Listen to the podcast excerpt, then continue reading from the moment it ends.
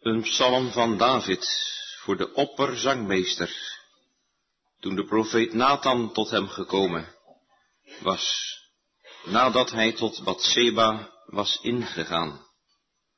Wees mij genadig, o God, naar uw goede tierenheid.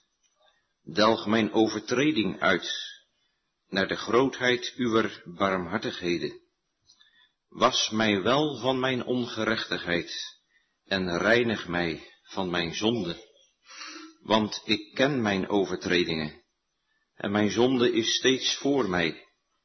Tegen u, u alleen heb ik gezondigd en gedaan dat kwaad is in uw ogen, opdat gij rechtvaardig zijt in uw spreken en rein zijt in uw richten.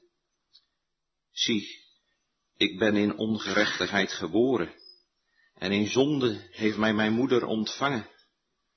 Zie, gij hebt lust tot waarheid in het binnenste, en in het verborgene maakt gij mij wijsheid bekend. Ontzondig mij met hyssop, en ik zal rein zijn. Was mij, en ik zal witter zijn dan sneeuw.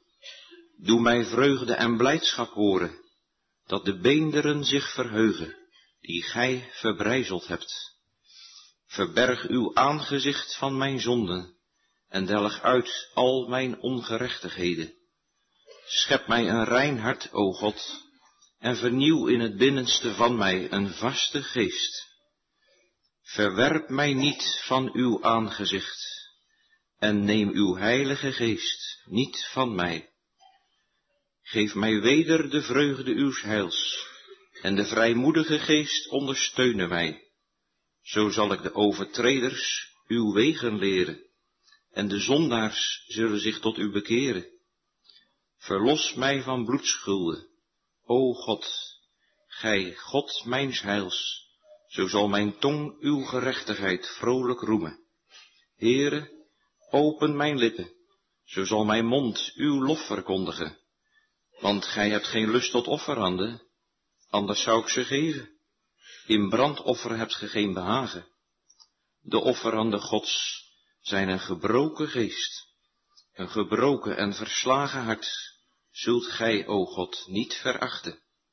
Doe wel bij Sion naar uw welbehagen. Bouw de muren van Jeruzalem op. Dan zult gij lust hebben aan de offeranden der gerechtigheid, aan brandoffer en een offer dat gans verteerd wordt. Dan zullen ze varren offeren op uw altaar. Het woord van de Heere gemeente op deze zondag na Pinksteren komt tot ons uit deze psalm. En wel uit het tweede gedeelte van het dertiende vers. Psalm 51, vers 13. Het laatste gedeelte. Neem uw heilige geest niet van mij. Geliefde gemeente, er zijn in de kerk van alle tijden mensen geweest en ze zijn er nog, die een sterk onderscheid maken tussen het Oude en het Nieuwe Testament. Dat gebeurt op allerlei manieren. Een van de manieren is juist rondom de persoon en het werk van de Heilige Geest. Als u een klein beetje vertrouwd zou zijn met de nieuwe Bijbelvertaling, dan zult u misschien ontdekt hebben dat het woord Heilige Geest in het Oude Testament daar voortdurend met een kleine letter geschreven wordt, terwijl het in het Nieuwe Testament, althans het woord Geest, met een hoofdletter geschreven wordt. En daar zit de gedachte achter dat de Heilige Geest eigenlijk in de tijd van het Oude Testament nog niet zo werkzaam was als in de tijd van het Nieuwe Testament. In het Oude Testament zou de Heilige Geest vooral getekend worden als de geest die werkzaam is in de schepping. U weet dat uit Genesis 1 en de geest van God zweefde of broedde op de wateren. En in het Oude Testament zou de geest ook bijzonder genoemd worden in verband met, met, met het ambt. Als een profeet bezield werd door de Heilige Geest, dan lezen we nogal eens een keer, en de Heilige Geest kwam over mij. Maar dat hele persoonlijke werk van de Heilige Geest in het hart.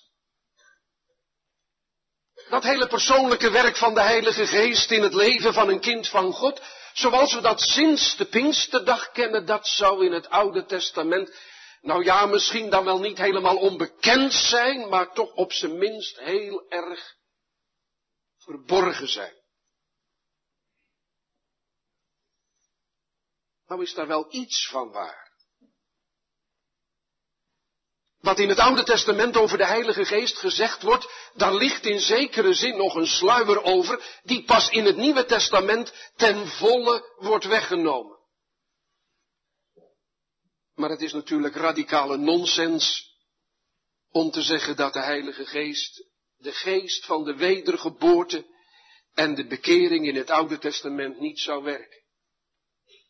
Dan waren Abraham, Isaac, Jacob, David, allemaal mensen die verstoken bleven van de Heilige Geest en waren ze dus verloren gegaan. En een van de duidelijkste plaatsen waarin zichtbaar wordt dat de Heilige Geest ook in het leven heel persoonlijk aanwezig was en werkte is de tekst die we samen gelezen hebben uit Psalm 51. Waar David bidt in diepe verootmoediging, neem uw heilige geest niet van mij. En de tekst is ook het thema van de preek, neem uw heilige geest niet van mij. En we letten op twee dingen. Allereerst op de vraag wat David vreest. Want wat betekent dat als de Heilige Geest van hem weggenomen zou worden? En in de tweede plaats wat David verlangt. Hij verlangt dat de Heilige Geest bij hem blijft. En dan lezen we in de omgeving van onze tekst. Schep mij een rein hart. Vernieuw in het binnenste van mij een vaste geest. Geef mij weder de vreugde van uw heil. En de vrijmoedige geest ondersteunen mij zo zal ik de overtreders uw wegen leren en de zondaars zullen zich tot u bekeren. Dus neem uw heilige geest niet van me, wat David vreest en wat David verlangt. Psalm 51 is een van die psalmen waarvan de historische achtergrond duidelijk is. Er zijn nogal wat psalmen, ook van David, waarbij we een klein beetje moeten gissen in welke tijd die psalm precies gedicht is en op welke historische omstandigheden die psalm betrekking heeft. Maar van psalm 51 is dat volstrekt helder. Die psalm is gedicht in de tijd na die verschrikkelijke val van koning David in de zon. U weet hoe het gebeurd is. Ik stip het maar even aan. Koning David was op een betrekkelijk hoogtepunt van zijn macht gekomen. Het rijk was in rust en vrede. En hij was bezig de grenzen van zijn rijk te verwijden, gebieden bij Israël te voegen. En de veldtocht ging dit keer tegen Rabba van de kinderen van Ammon in het overjordaanse. Maar we lezen heel nadrukkelijk in 2 Samuel 11 waar deze geschiedenis verteld wordt, dat koning David toen de tijd om oorlog te voeren was aangebroken in Jeruzalem bleef. Dat was al vreemd en eigenlijk niet volgens de regels van de wet van de Here, want in de koningswet staat dat de koning zijn legers dient aan te voeren als ze ten strijde trekken. Was er iets van een gemakzucht in Davids hart gekomen? Iets van een verkeerd rusten, zoals dat ook bij ons mensen, bij u en bij jullie en bij mij kan gebeuren? Het wordt niet duidelijk, maar de geschiedenis lijkt wel in die richting te wijzen. En toen David thuis was en in zijn paleis in Jeruzalem verbleef, zag hij op een zeker moment vanaf het dak, het platte dak, want alle paleizen en huizen in die tijd hadden platte daken, een vrouw die zich baadde. Hij begeerde haar, ook al had hij zelf vele vrouwen. Hij liet haar halen en bedreef overspel met haar. Wie was de schuldige? Ik denk dat de Bijbel heel duidelijk maakt beide. zowel Bathseba als koning David. En toen kreeg hij korte tijd later bericht dat Bathseba in verwachting was van hem. En juist in die tijd kwam de man van Bathseba, Uria, een van de officieren uit het leger van koning David, terug met een bericht van Joab, de overste, die Rabba van de kinderen Ammons belegerde. En koning David zag zijn kans schoon om het verkeerde wat hij gedaan had toe te dekken, zoals ieder mens altijd weer geneigd is om zijn zonde toe te dekken. En hij moedigde Uria toen hij in het paleis gekomen was met het bericht van Joab aan om de nacht door te brengen bij Bathseba zijn vrouw in zijn eigen huis. En dan zou het kind wat verwacht werd, althans in de ogen van de mens, het kind van Uria zijn en niet van David. Maar Uria laat iets van een nobele geest zien. Hij zegt, hoe zou ik thuis kunnen vertoeven terwijl de knechten van mijn heer de koning, de soldaten, in de tenten verkeren en dagelijks in levensgevaar zijn. Ik blijf slapen in het paleis van de koning. Dat was een streep door Davids rekening. Dan wat anders geprobeerd. Want gemeente, de zonde is scherpzinnig. Als eenmaal die keten van toedekken en van verhullen er is, dan is er geen eind aan de listen en aan het bedrog. David schrijft een brief aan Joab en hij geeft Joab bevel dat Uria binnen de kortste keren vooraan in het leger gesteld moet worden, waar hij het meeste gevaar loopt gedood te worden. Want nu is Uria lastig geworden voor David. En zo gebeurt het.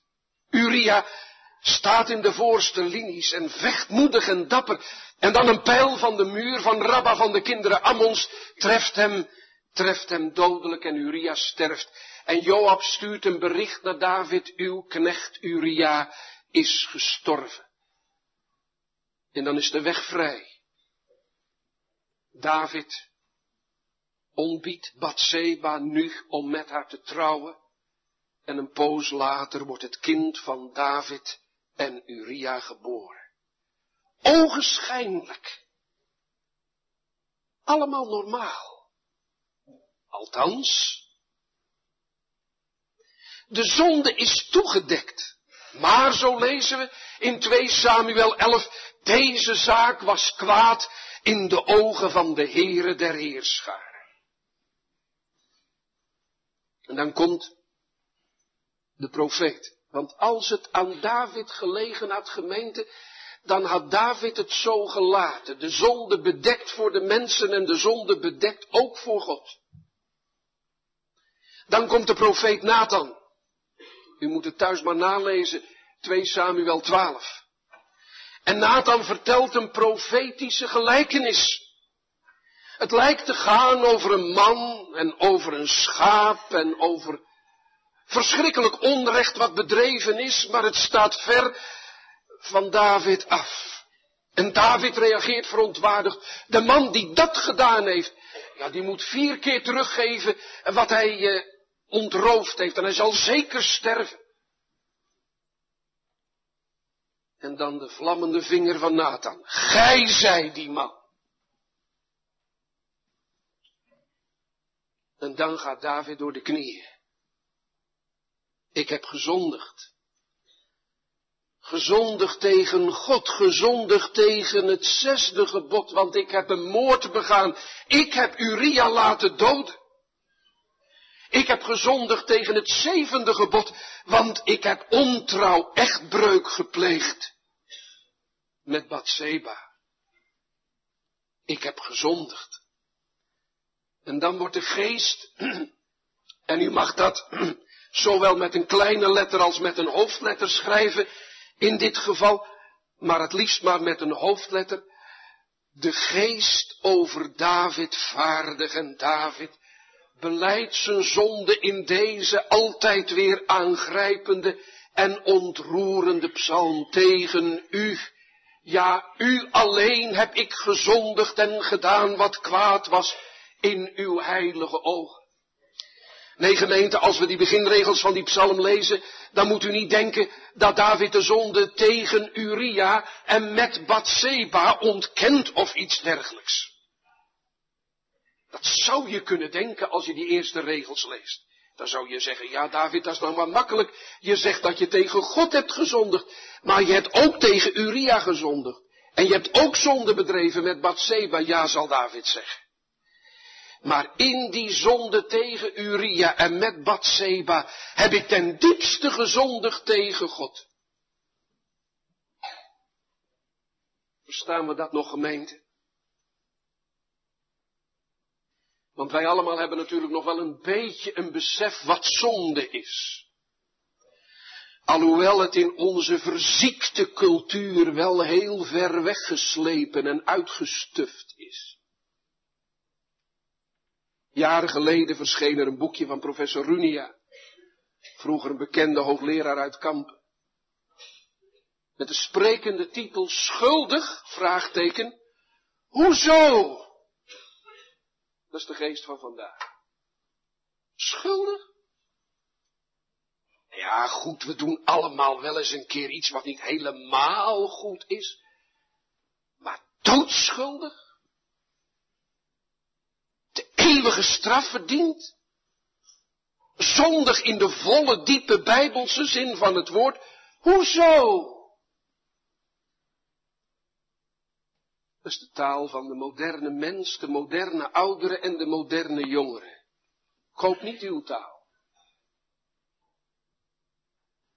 Want als we werkelijk gaan zien wat zonden is, de zonde tegen onze vader en tegen onze moeder, de zonde tegen onze man of tegen onze vrouw, de zonde in mijn ambt of de zonde in mijn gedachten, in mijn woorden, in mijn daden, ja, dan heb ik tegen mensen gezondigd. Dan heb ik met mijn gedachten gezondigd. Maar het diepste is tegen u. Ja, u alleen heb ik gezondigd en gedaan wat kwaad is in uw oog. En u moet er maar op letten, gemeente, wanneer de Heilige Geest door het woord gaat werken, dan worden we zondaar voor God. Voor het eerst of ook weer opnieuw. En dat is nou het geheim van het leven van David hier in deze donkere uren van zijn leven. Dat hij voor God buigt. Dat is werk van de Heilige Geest. Die overtuigt van zonde, zegt de Heer Jezus in Johannes 16. Voor het eerst als een mens tot bekering komt. Maar ook weer opnieuw als David het verzondigd heeft voor de Heere. En moet beleiden, ik heb tegen u gezondigd. En wat bidt hij dan? Dan beleidt hij niet alleen zijn zonde, maar dan bidt hij ook, reinig mij. En neem uw heilige geest niet van me. Want zonde en de psalm maakt dat zo duidelijk. Zonde betekent ook scheiding. Nooit vergeten. Zonde maakt scheiding. Als David een kind van God is en hij is een kind van God. Dan wordt het door de zonde zo dat God zijn aangezicht over Davids leven gaat verbergen. God trekt zich terug. En David beleidt het in onze tekst. Heere, u zou geen onrecht doen als u uw heilige geest die u mij gegeven hebt, helemaal van mij af zou nemen. Neem uw heilige geest alstublieft niet van me. Wat betekent dat? Neem uw heilige geest niet van me. Wel gemeente, daar zou heel veel over gezegd kunnen worden, maar ik wil het vanmorgen maar een beetje toespitsen, een beetje concentreren. Laat ik allereerst zeggen dat het Oude Testament met name ons duidelijk maakt dat de Heilige Geest bijzonder aan ambtsdragers gegeven was. dan denk ik allereerst aan de profeten. Ik noemde dat al. De geest des Heren kwam over mij, schrijft Ezekiel, en stelde mij. U kunt dat nalezen. Maar de Bijbel maakt ook duidelijk dat wanneer een koning gezalfd wordt, hij op een bijzondere wijze wordt toegerust met de Heilige Geest. Dat geldt ook bijvoorbeeld van Saul. Saul was niet iemand die de Heere oprecht vreest. Alhoewel ik soms nog wel eens ontroerd kan raken als je dat begin van het optreden van Saul leest niet. Wat zag het er goed en mooi uit. Maar van Sauls leven moeten wij zeggen op grond van de schrift, dat was een man die niet de vrezen Gods kende. Maar toch lezen we dat de geest van de Heere over Saul kwam. Vaardig werd over Saul. Er staat zelfs dat Saul profeteerde. Is Saul ook onder de profeet? Maar als Saul dan eenmaal koning is, hè, en door de geest van de wijsheid en door de geest van de rechtvaardigheid geleid wordt en wijze beslissingen neemt, dan zie je op een gegeven moment dat God zich, dat Saul zich tegen God gaat keren en zich tegen God uitdrukkelijk bevel gaat verharden. En dan staat er in 1 Samuel 16 zo heel duidelijk, toen week de geest des heren van Saul en een boze geest verschrikte hem. De geest ging van Saul weg. De koninklijke geest, de rechtvaardige geest, de wijze geest, hij week van Saul. En nou en nou David, hier in dit gedeelte zou David, als hij deze woorden dichtte en opgeschreven heeft, niet aan zijn voorganger, aan Saul gedacht hebben? Heer, ik ben er getuige van geweest, dat de geest des Heren van Saul week. En dat de boze geest hem verschrikte. Hij heeft zelfs een keer een speer naar me toegegooid in zijn woede.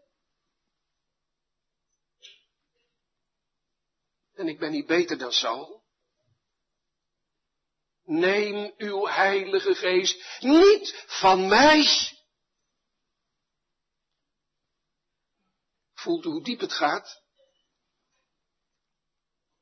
In zijn verbrokenheid, in zijn beleidenis, beleid David, heren, ik ben geen haar beter dan Saul.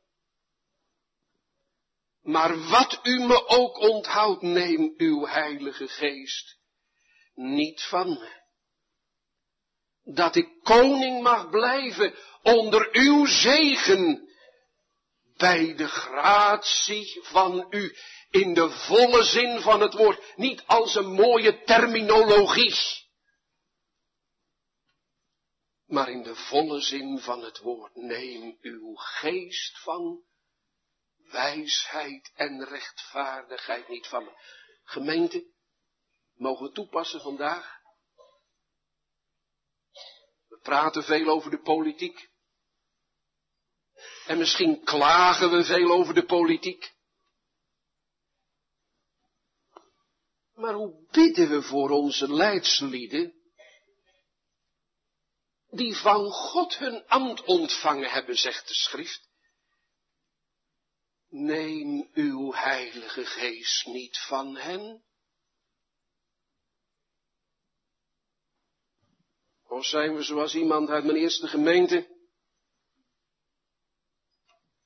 die op een gegeven moment tegen me zei, dominee, je bidt iedere zondagavond voor de regering in Den Haag, maar voor dat goddeloze zeutje hoef je niet meer te bidden hoor, want die vrezen toch God niet.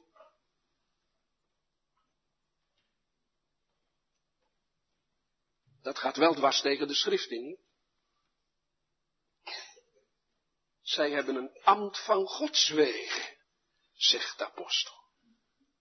En ook al gebeuren er dingen in ons goede vaderland, al of niet gedoogd door de overheid, die het toets van het woord van God niet kunnen doorstaan, bidden we, heren, geef ons regeerders en bestuurders, die geleid worden door uw heilige geest.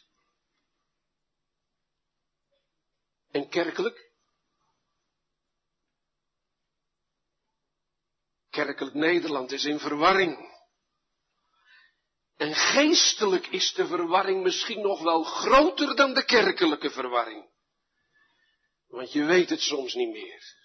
Als je alle geluiden op je af laat komen.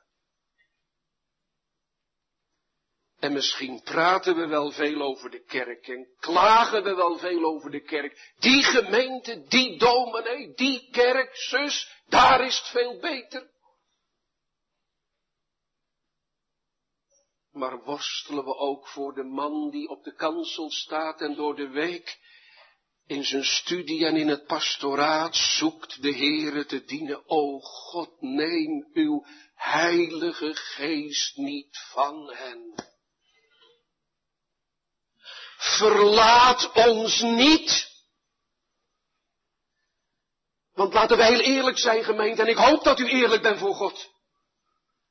We hebben het ernaar gewaagd, wij met z'n allen in Nederland, dat God ons vandaag en voor de toekomst zou verlaten. We zijn niet geweest wie we behoorden te zijn. Wij hebben gezondigd. We kunnen het nog zo uithouden in onze kerkelijke onbekeerde genoegzaamheid en kneuterigheid. We kunnen het zo uithouden terwijl de verdeeldheid toeneemt en de stemmen steeds chaotischer worden. Wie ligt er wakker van? Heere, verlaat ons niet. Neem uw heilige geest niet van ons. Want als dat zou gebeuren. Oh, dan gaan de erediensten wel door hoor. Tenminste nog wel een poosje. Dan wordt er ook nog wel gepreekt hoor.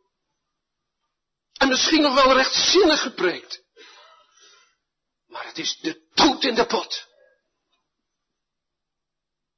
We knikken en we zeggen mooi gezegd. Maar er wordt niemand bekeerd. En Gods volk wordt niet geoefend, dieper ontdekt, gesterkt en getroost. Neem uw heilige geest niet van ons. Liggen we er wakker van. O God, er zijn in deze grote gemeente nog zoveel die voor eigen rekening leven. Nog zoveel lieve jonge mensen en kinderen die u niet kennen. Wil u door uw geest in hun hart werken? Heer, het kan soms, wanneer we met elkaar mogen spreken over de dingen van u zo verschrompeld liggen, de verberging van uw aangezicht, is soms op de huisbezoeken met handen te tasten. Heere, schenk ons de bediening van uw heilige geest. Voelt u het gemeente? En dan zijn we al aan de persoonlijke toespitsing van het een en ander. Want wat gebeurt er?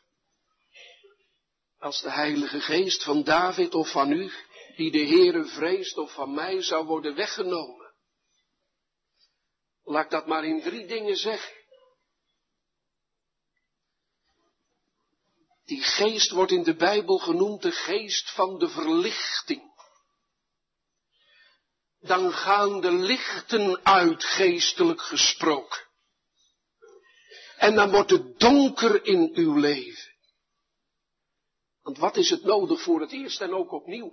Dat de Heilige Geest ons verlicht, ons verstand verlicht, ons oog verlicht, de nevels opdoet klaren, opdat wij in het woord en vanuit het woord onderwijs ontvangen. En is dat niet een van de grootste vragen van iemand die misschien geestelijk onrustig is geworden, beseft dat hij onbekeerd is, maar zo niet verder kan leven. Heer, ik ben zo blind, verlicht mijn oog, maak mij uw wegen door uw woord en door uw geest bekend. Wat is nodig voor het eerst en opnieuw? Dat die geest van de verlichting werkt, opdat wij gaan verstaan wat het woord van de levende God zegt, opdat we echt kunnen luisteren naar wat het woord van de Heere zegt in de prediking van het woord, Heere, de geest van de verlichting. Hij wordt ook genoemd de geest van de gebeden. Zacharia 12 vers 10, En ik zal over het huis van Israël uitstorten de geest der genade en der gebeden. Weet u wat er gebeurt als bij David de Heilige Geest zou worden weggenomen? Kan David niet meer bidden? Dan is zijn gebedsleven opgedroogd. Oh, misschien kan hij wel een paar woorden preven. Maar hij weet niet te bidden zoals God het wil. Hij weet niet te bidden zoals de Heere dat van hem vraagt. Wij weten niet te bidden, zegt de apostel Paulus in Romeinen 8 gelijk het behoort. Maar de geest bidt voor ons met onuitsprekelijke zuchtingen. Daar heb je de geest der gebeden. En misschien zit u die de Heere kennen mag juist op het ogenblik in zo'n situatie dat u zegt, ja, misschien door bijzondere zonden, misschien door onbegrepen wegen die de Heere met u gaat in uw leven, maar geestelijk onder de verberging van Gods aangezicht gekomen. Het gebedsleven droogt op, het lezen van de schrift, de omgang met het woord droogt op. O Heere, schenk die geest van de verlichting en die geest van de gebeden, opdat ik bidden mag, zoals Guido Gezel het zegde in dat prachtige gedicht. Ach, leer mij, arme dwaas, hoe dat ik bidden moet. Nee, van die vraag heeft de wereld geen last. Want die bidt niet. Van die vraag heeft ook de gearriveerde godsdienstigheid van vandaag geen last, want die kan altijd bidden. Maar van die vraag heeft een oprecht kind van God last, die geestelijk in donker terechtgekomen is. Leer mij, arme dwaas, hoe dat ik bidden moet. Geest der verlichting, geest der gebeden, maar ook geest der genade. Over het huis van Israël zal ik uitstorten de geest der genade en der gebeden. Gemeente, als de Heilige Geest zich terugtrekt en God zijn aangezicht verbergt, onze beleidenis zegt in de Dordtse leerregels dat dat voor de gelovigen bitterder is dan de dood, dan trekt God de merkbare kracht van zijn genade in. Nee, nee, nee, u moet goed luisteren. God laat zijn genade nooit verdwijnen in het leven van zijn kinderen. Wij geloven op grond van de schriften dat wanneer God een goed werk begonnen is, Hij dat voleinden zal. Maar dat betekent wel dat die gevoelige genade, het besef van de genade, de ervaring, de bevinding van de genade op kan drogen. Geef mij weder de werking van uw heilige geest neem uw heilige geest niet van me. Maar waar verlangt David dan naar? We hebben genoeg gezien hoe schadelijk en erg het is als, als politiek, maatschappelijk, kerkelijk en heel in het bijzonder persoonlijk de Heilige Geest wordt weggenomen, die geest van de verlichting en van de gebeden en van de genade. Wel, David verlangt allereerst, als hij zegt, neem uw heilige geest niet van dat er wat veranderen mag in zijn leven. Wat veranderen mag in zijn leven.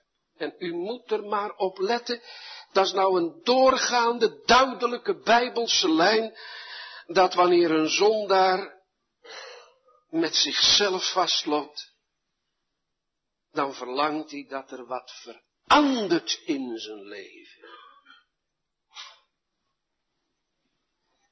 Dan zegt hij niet, en nou ben ik bekeerd. Dan zegt hij ook niet, eh, nou moet ik even een keuze maken of zoiets. Nee, dan zegt die Heere, herschep mijn hart. Zoals de meesten van ons het als kinderen geleerd hebben van vader en moeder, geef mij een nieuw hart. Heren, er moet wat veranderen van binnen. En let u er maar op als u de Heere vrezen mag. En u bent weggezworven en afgedwaald en misschien niet precies dezelfde zonde gedaan als David, ik hoop het. Maar toch ook net als David gezondigd. dan vraag je het weer opnieuw, Heere, herschep mijn hart. En reinig gij, o Heere, die vuile bron van al mijn wanbedrijven, zegt de berijming. En de onberijmde tekst zegt vlak bij de tekst, schep mij een rein hart, o God, en vernieuw in het binnenste van mij een vaste geest. David beleidt.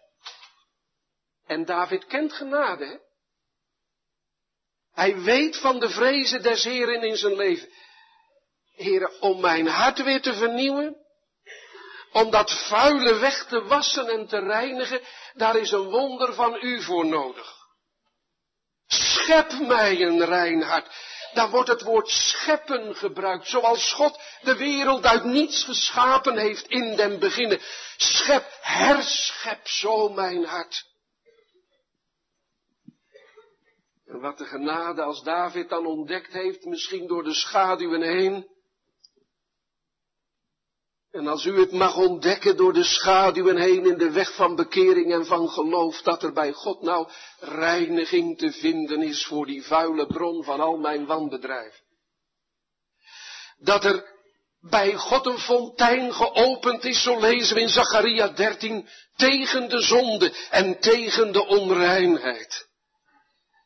En die fontein is geopend, u bent mijn gedachte al voor, in het bloed van de Heere Jezus Christus, want het bloed van Jezus Christus, Gods Zoon, reinigt. En gemeente, ik hoop dat u het evangelie in die woorden hoort doorklinken, reinigt van alle zonde. Van alle zonde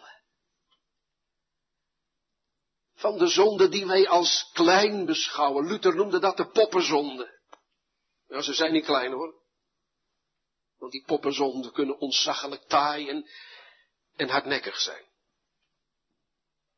Van de grootste zonde. Zelfs van moord en doodslag en overspel. Zegt David, reinig mij van mijn zonde. Het bloed van Jezus Christus reinigt van alle zonde. Is dat nu het verlangen van uw hart? Bent u misschien zo naar de kerk gekomen? Hebt u zo uw plek in de kerk ingenomen, heren? Hoe moet dat nou? Ik onder het woord, onder het heilige woord van u. En u mag het wel weten. Ik het woord van God bedienen, dat heilige woord van u. Met een onrein hart en met onreine lichaam. Heren, dat kan niet. Dan mag iedere dienst wel bidden aan de voet van de kansel. Heere, schep mij een rein hart. En raak mijn onreine lippen aan met de kool van uw heilig altaar. Neem uw heilige geest niet van mij. Maar wat een genade als je dan zien mag, geleid door die heilige geest, waar David het over heeft. En door het heilige woord en het bloed van Jezus Christus.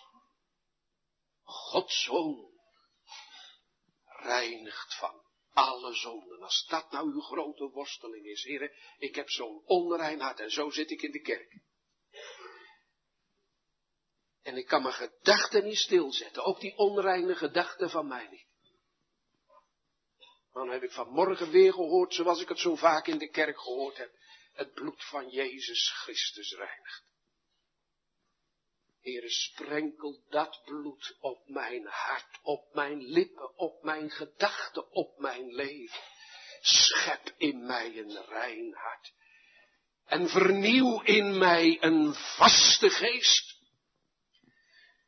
Kijk, als we het heel eenvoudig houden, de geest van David was niet vast. Ja, die geest van David was vast toen hij, misschien was hij nog jong, althans dat wordt meestal verondersteld, dat prachtige lied dichtte wat wij kennen als Psalm 23. De Heere is mijn herder, mij zal niets ontbreken. Toen was Davids geest vast. Hij ging een vaste gang, een vaste koers in de vrezen des Heeren. Maar ja, met die hele affaire met Batseba, en met dat moorden van Uria en alles wat erop volgde. En toen hij zijn zonde niet wilde beleiden en, en Volgens Psalm 32, zijn beenderen terwijl hij zweeg voor God en zijn zonde niet beleden, zijn beenderen werden verouderd in zijn brullen de ganse dag. Psychisch werd hij er helemaal niet goed van, zouden we vandaag de dag zeggen. Toen was de gang niet vast. Want als een mens het spoor van het woord kwijtraakt, raak ik een snaar aan in uw leven en in jouw leven. Als een mens het spoor van het woord kwijtraakt, dan gaat hij zwabberen. Dan dwaal je alle kanten op. Geen vaste geest. Maar als de Heilige Geest bij je blijft, Heere, neem uw geest niet van me. De geest leidt de mens in alle waarheid. Op het vaste pad van Gods geboden. Heere, maak mij uw wegen door uw woord en geest bekend.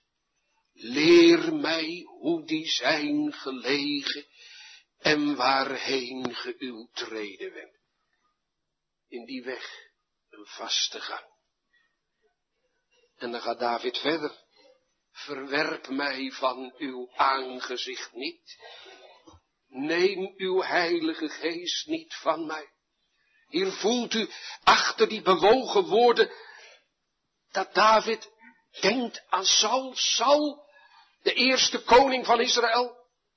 De man die zo lang was. Een man om naar te kijken. Een man om respect voor te hebben. Maar een man die verworpen is van voor Gods aangezicht en uiteindelijk bij de tovenares van Endor terecht kwam. Heere, verwerp me niet. Neem uw geest niet van me, zoals het bij Saul gebeurde. Ik proef daarin, ik heb er al op gewezen en ik stip het nog maar heel even aan. Dat David hier beleidt, heren, ik zou het, als ik naar mezelf zie, moeten zeggen dat ik het verdiend heb. Verwerp mij van uw aangezicht niet. Ik heb u verworpen. Uw goede geboden, uw heilzame woord verworpen. Maar verwerp u me niet. Neem uw geest niet van. O gemeente, een van de kernen van de waarachtige schuldbeleidenis. Dat we onszelf niet meer verheffen. Dat we geen excuses meer aanvoeren. Dat we buigen voor God. Luther zou zeggen, het wezen van de schuldbeleidenis is dat we God recht geven. God onvoorwaardelijk gelijk gaan geven. Aan Gods kant komen te staan, zeiden de oude vrome vroeger terecht. Verdient, heren, verworpen te zijn. U doet geen onrecht als u mij verlaat. Maar verlaat u ons niet. Zoals die andere dichter uit het begin van de vorige eeuw het zegt, maar blijf bij mij. Blijf bij mij, blijf bij mij, o mijn God. Maak niet uw woord te schande. Maak niet uw trouw ten spot.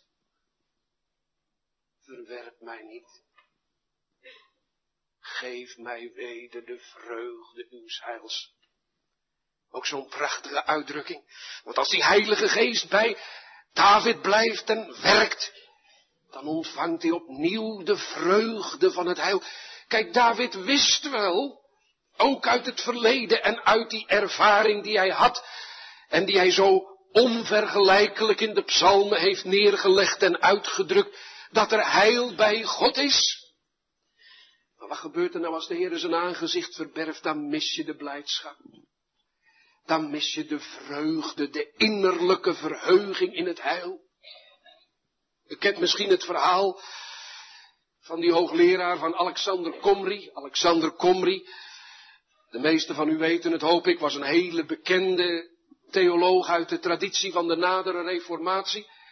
Komri was een schot, maar is al heel jong hier naar Nederland gekomen en heeft gestudeerd in Groningen. En toen liep hij college bij een godvrezende hoogleraar, Antoni Dries. En hij moest een keer naar die hoogleraar toe En zo was dat vroeger niet waar. Hij belt aan naar dat grote statige herenhuis en dienstmeisje doet open. Oh, bent u het, meneer Comrie? Gaat u maar naar boven naar de studeerkamer van de professor, want hij zal wel op u wachten. Comrie gaat naar boven en de deur van de studeerkamer staat een beetje open. Hé, heeft die professor visite? Want hij hoorde praten. Nee, de professor had geen visite. Want toen Comrie goed luisterde, toen hoorde hij zijn professor die geknield voor zijn stoel lag bidden. O God, ik weet dat er een weg der zaligheid is. Maak u mij bekend. En die man die had een dik boek geschreven met de titel Genade overwin. Hij wist ervan, van dat heil bij God. Maar hij miste op dat ogenblik de persoonlijke toe-eigening. De persoonlijke toe-eigening. Ook wel eens last van. Ik vrees wel eens gemeente dat er tegenwoordig een geslacht opgroeit, ik hoop niet in Sliedrecht. Die daar niet meer van afweten. Van die worsteling, ook na ontvangen genade, om dieper geleid te worden in de vreugde van het heil van God. Je schrikt soms, hè? En nou wil ik eh, over gebeden niet te veel zeggen, want dat is altijd iets persoonlijk en iets steert, maar je hoort nogal eens bidden. Heren, wij danken u dat wij kinderen van u mogen zijn, bla bla bla bla bla.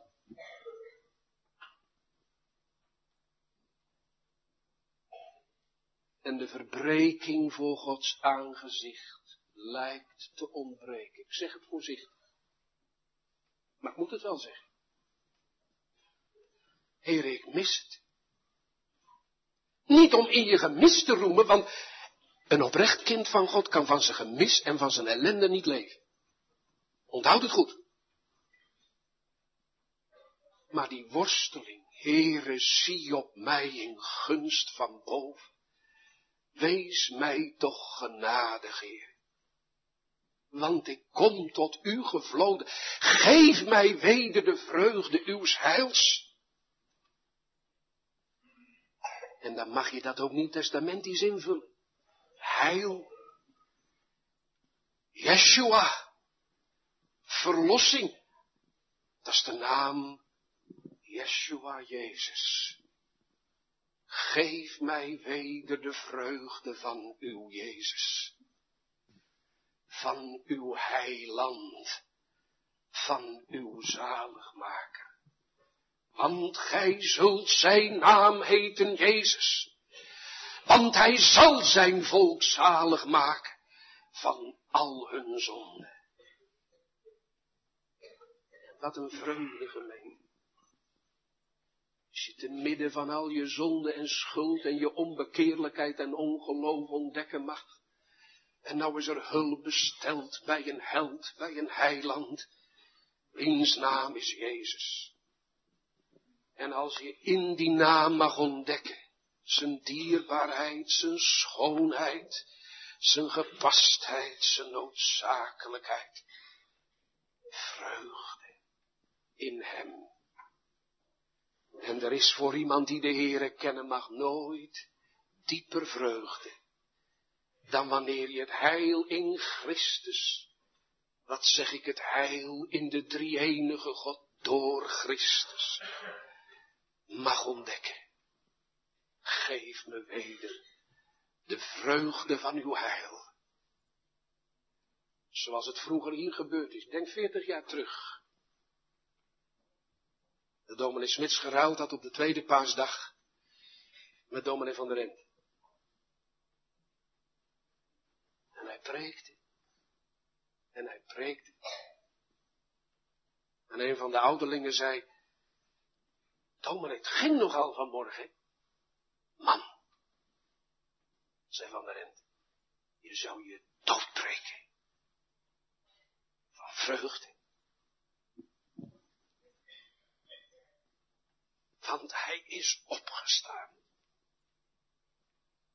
Een heiland die de dood heeft overwonnen. geef mij weder de vreugde uw heils. En de vrijmoedige geest ondersteunen mij. Dan zal ik de zondaars leren van de weg. Hoort u het? David zegt,